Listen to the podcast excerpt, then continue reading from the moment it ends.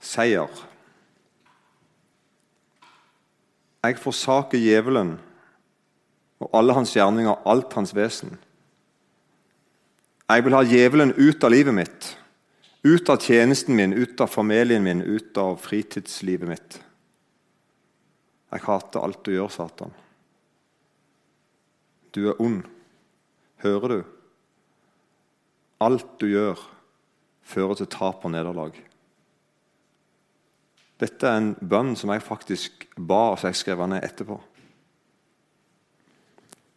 Og jeg ba mer. Jeg vil seire. Og det gjør jeg ikke sammen med deg og ditt. Du er kanskje denne verdens fyrste, men denne verden er et rike som skal gå unna. Nå forstår jeg det Jesus sier når han snakker om at denne verden skal få gå og denne verden skal forsvinne. Jeg vil seire. Derfor er jeg sammen med seierherren. I den veldig kjente boka i Gamletestamentet som heter Jobb, Jobbs bok, så sier Jobb i kapittel 19 og vers 25 et veldig kjent vers.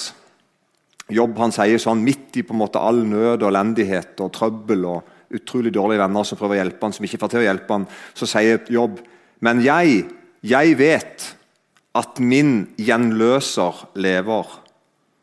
Og Gjenløser er egentlig et annet ord for frelser. om du vil. Det er en som kjøper deg ut, som gjenløser deg.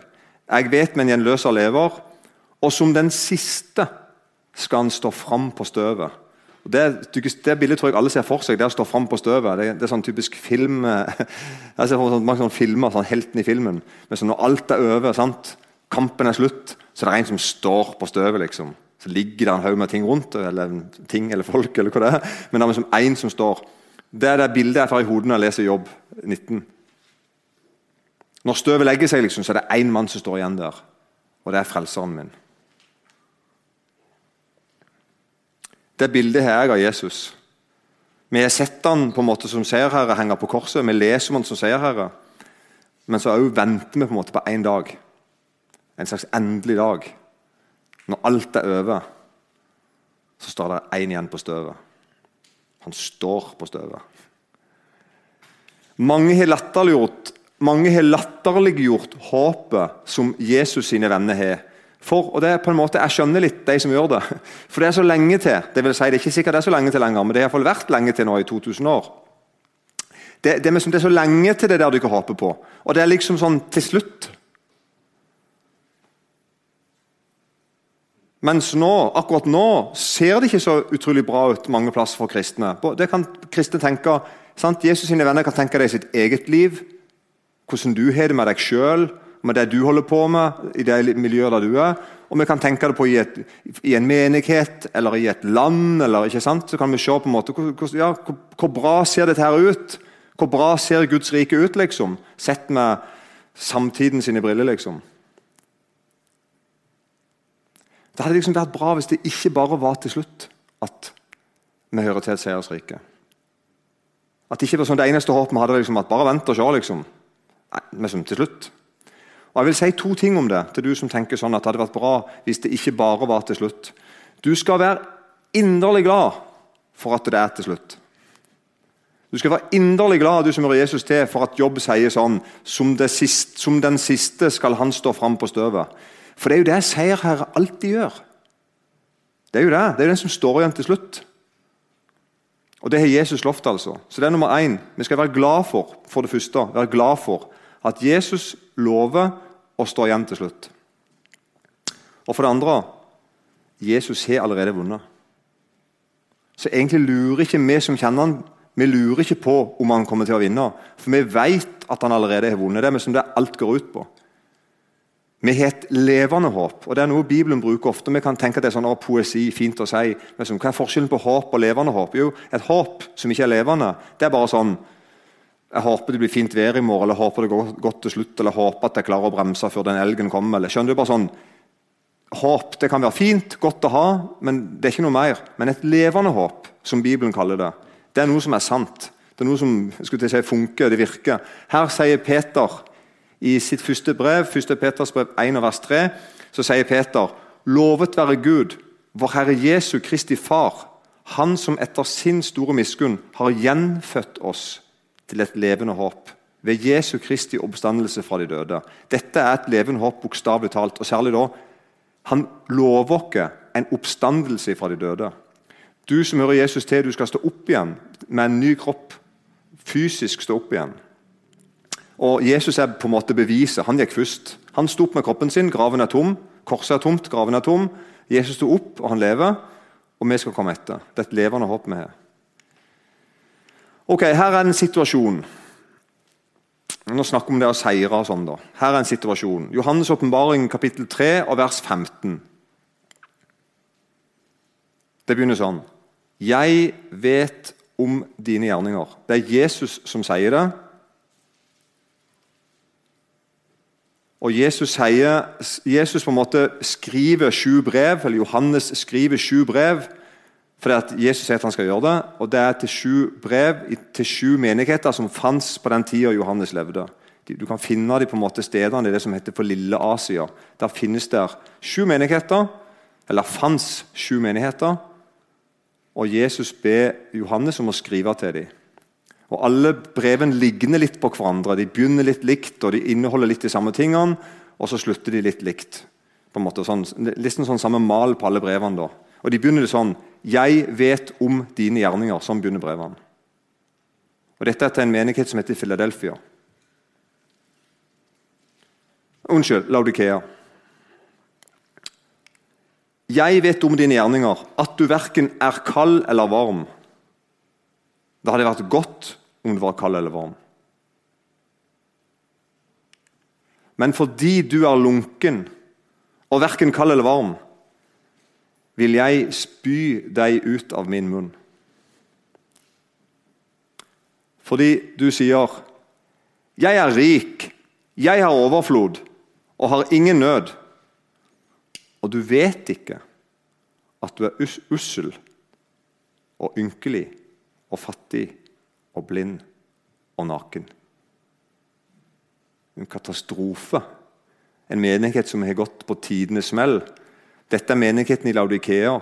En by som hadde hvis, jeg lest, Dette har bare lest meg til, jeg har ikke vært der selv, men det er en by som hadde legemiddelindustri. De lagde bl.a. en salve, en øyensalve. Var, de hadde banker der, de hadde skole der, og de hadde tekstilindustri. lagde klær. Og Jesus på en måte, Når han skriver dette brevet til menigheten, så snakker han liksom rett inn på en måte i altså Han skriver inn i situasjonen deres, og han snakker til byen. liksom på en måte. Så når, når Jesus nå kommer med råd, så kommer han med råd som er veldig provoserende. For han, han, treffer de akkurat på det de trodde de var gode på. For Han har råd til dem. Han sier at, sant, han sier at Gid om du ikke hadde vært uh, kald eller varm, men sier du ikke er lunken, vil jeg spy deg, spy deg ut av munnen min. Hva er det som på en måte provoserer Jesus så vanvittig? Jo, at de sier at de er rike i overflod og ingen nød. Og så er det ikke sant. Derfor sier Jesus, så råder jeg deg at du kjøper av meg, kolon.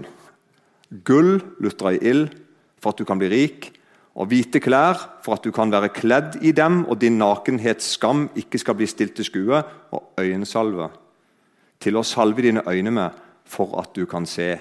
Og Nå liksom snakker Jesus det, ja, men det er akkurat de tingene vi er gode på. Så akkurat som Jesus bare avslører dem. Nei. Dette er en menighet som er stolte av seg sjøl.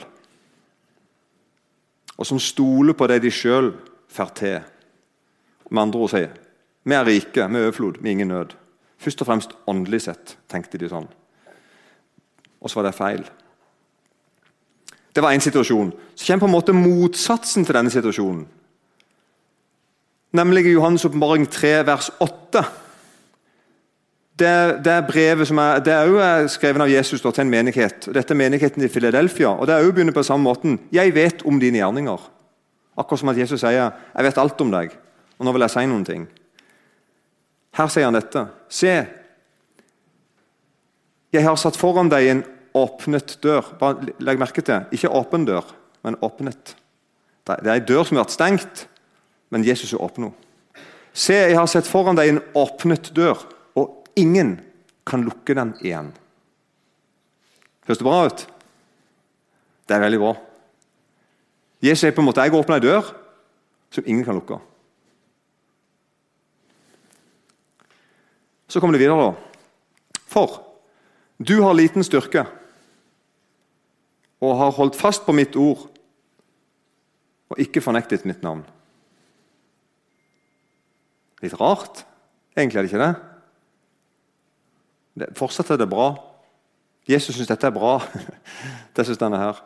Så Menigheten i Philadelphia er liksom motsetningen på, på mange måter da, til menigheten i Laudikea. Og Her i Philadelphia så står det at de hadde liten styrke. Sant? Laudikea sa at vi har ingen problemer, og alt er bra. og sant, ut og kjør. Mens Philadelphia de, de, blir om, blir omtalt som noen som hadde liten styrke. De sa ikke at det er liten styrke, men Jesus sier at det er liten styrke. Og Det ser ut som at denne lille styrken, eller svakhet som det egentlig heter, denne store svakheten eller denne lille styrken, kall det hva du vil, det viser seg at den har ført til at de har begynt å sette sin lit til noe annet enn seg selv og sin menighet, og de begynner å stole på Jesus sine ord. Og siden de har begynt å stole på Jesus sine ord, så har de heller ikke gått vekk og fornekta hans sitt navn. Og Det gir jo egentlig mening, gjør det ikke det? At Hvis jeg er i en sånn situasjon at jeg på en måte ikke kan stole på, på meg og mine rundt meg, så vi finner ut at vi begynner å stole heller på Jesus sitt ord, så gir det egentlig mening at jeg begynner å elske ham. Og det er egentlig mening at jeg ikke gidder å fornekte hans navn, for det er på en måte han jeg har. Allikevel rart. Jeg vet om dine gjerninger. Se, jeg har sett foran deg en åpnet dør, og ingen, og ingen kan lukke den igjen, for du har liten styrke. Og har holdt fast på mitt ord og ikke fornektet mitt navn. Hva skal vi lære av alt dette, disse to tingene her? Skal vi lære at det lønner seg å være svak og fattig? Og gå rundt og si det, på en måte? En liten NB. Philadelphia var, var, ingen fattig småby. Det var ikke det som var poenget. Liksom, at eh, I Philadelphia der fikk de ikke til noen ting. De gikk rundt og var veldig sånn, stusslige. Og i Laudikea var det motsatt. sånn ytre sett. Det var ikke sånn. I Philadelphia hadde de, drev de med, med vindruer og vingård og alt mulig, og hadde det helt greit, så langt jeg vet. Men regnestykket vårt hadde kanskje vært lettere å gå opp sånn. hvis vi kunne tenke sånn at akkurat, ja, Det var den der store fyselige bymenigheten. ja, akkurat, ja, De hadde nok for mye tro på seg sjøl. Nei, vi må nok ut på det lille landsens bedehuset der. Inne i Indre Agder. Det er nok der de har forstått det. ikke sant, skjønner du? Det er ikke, det er ikke sånn et bilde som tegnes. Forskjellen ligger ikke først og fremst i det ytre. Jeg vet om dine gjerninger, det sier Jesus til alle sju menighetene. Og han vet om våre gjerninger òg. Både de ytre og de skjulte. Derfor nytter det ikke å prøve å lure Jesus. Noen tenker at jeg håper du ikke er med på den her, noen tenker, da mener noen, noen som lever nå, noen som er kristne nå, tenker at vi kan jo bare la være å si det menigheten Laudikea sa. Så er vi sikre. Er du ikke med på den? At de tenker sånn at I vår menighet skal vi aldri si at har, jeg er rik, jeg har overflod og har ingen nød. Det skal vi iallfall ikke si. Hvorfor ikke det? Nei, så hvordan det gikk. De var jo lunkne og skulle bli spydd ut av munnen til Jesus. Og så tenker vi at vi lager en kristendom da, som handler om å ikke være rike og ikke overflod og ikke ha noen nød. Er det en bra idé? Nei. Det er ikke det vi skal lære av dette. Hemmeligheten bak menigheten i Philadelphia det lå i gjerningene deres. Jesus. Han sa, altså Det var ikke noe de sa. Jesus så til den menigheten i Philadelphia der han hadde sett foran de åpna dør.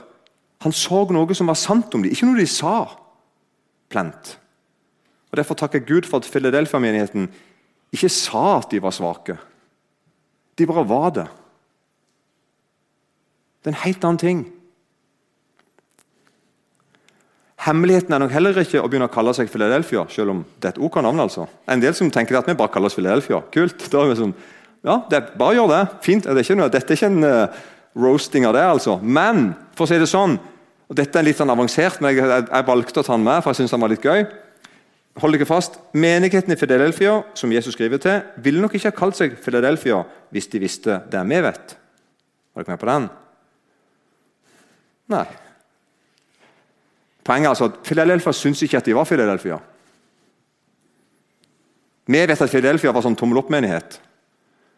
Er dere med på den? Men Philadelphia tenkte ikke at de var en tommel opp-menighet. De hadde mer enn nok med å holde fast på Jesus. De var svake, står det. Men de hadde ei åpna dør. Du ikke skjønner nå? Litt gøy? Litt gøy, ja. Forresten, menigheten til Philadelphia de kunne ha sagt det menigheten til Audikea sa. Og det hadde vært sant. Har du tenkt på det? Menigheten til Philadelphia de kunne ha sagt 'Jeg er rik og har overflod og ingen nød.' Og så hadde Jesus sagt 'Amen'. Det er akkurat det du ikke er. Er du ikke med på hva jeg vil fram til nå? Jeg føler Det er kanskje litt tungvint, men det er ikke poenget. altså, å være tungvint, men poenget er at eh, Vi kan ikke bare lese en fortelling jeg skal ikke se det, og så skal jeg se sånn, og så skal jeg gjøre sånn. Nei, det er ikke sånn det funker. Det, ikke, det var ikke ordene som felte Laudikea. Men på den, Det var ikke ordene de sa, det at de skulle ikke ha sagt sånn, men det var ikke dekning for dem. Når de sa at de ikke hadde noen nød, så var det ikke sant. Når de sa at de hadde det overflod hadde det fint, så var ikke det sant. De hadde ikke det. Det var løgn. Det stemte ikke med deres gjerninger. Og Det er det brevet begynner med. Jeg vet om dine gjerninger at du er verken varm eller kald. Gid du var varm eller kald. Så Jesus avslår seg at du ikke sier at du ikke har det bra. Du ikke sier tommel opp. liksom. Du ikke sier at du ikke har det bra med meg, og, og ting går, går på skinner her. Det er ikke sant. Jeg har faktisk lyst til å spy dere ut av munnen min. Mens den andre menigheten de opplevde seg selv svake, men de hadde ei åpna dør, og de hadde en stor Kristus vil med seg. Philadelphia sin situasjon minner meg faktisk veldig mye om situasjonen til disiplene som gikk sammen med Jesus noen år før.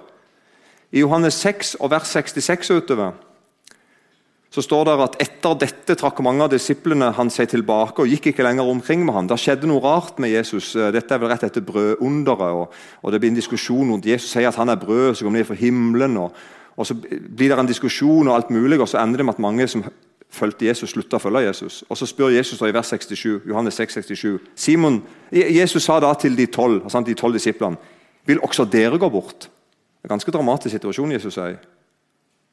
Vil dere òg gå nå? Simon Peter svarte han, kolon, Herre, hvem skal vi gå til? Det er så godt sagt.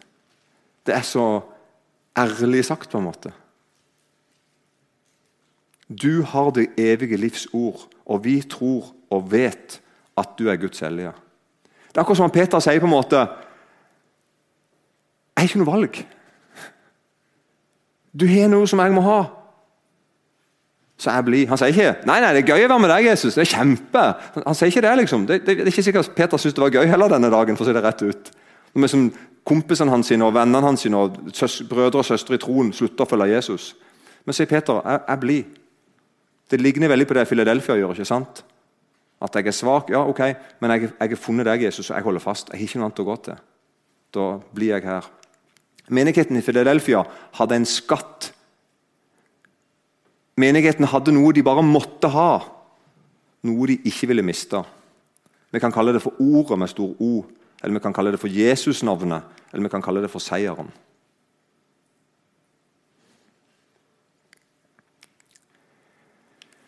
Ikke tro at det er smart å si 'jeg er så svak', hvis ikke det er sant.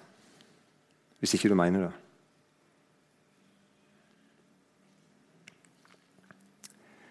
Vi har en lei tendens til å på en måte lese noe i Bibelen og så trekke en, en slags, slags, lærdom ut av det som er feilslått. Det, har jeg prøvd å sagt noe om allerede. Et annet eksempel er for eksempel at vi ganske fort sier ja, ja, ja, nå må vi ikke fokusere for mye på dette. kan vi si. Hvis vi begynner å snakke om et eller annet sånn kall og tjenester, eller helbredelse, eller nådegave, eller tegn eller mirakel, eller sånne ting, så kan veldig fort mange si ja, ja, ja, nå må vi ikke snakke for mye om det. Og så føler vi når vi sier det, Hvis jeg hadde sagt det, ja, ja, så hadde jeg kjent på nå er jeg trygg. Dette kan jeg si med trygghet. Hvorfor det? Hvorfor kan jeg si dette med trygghet? Fordi Jesus har sagt det.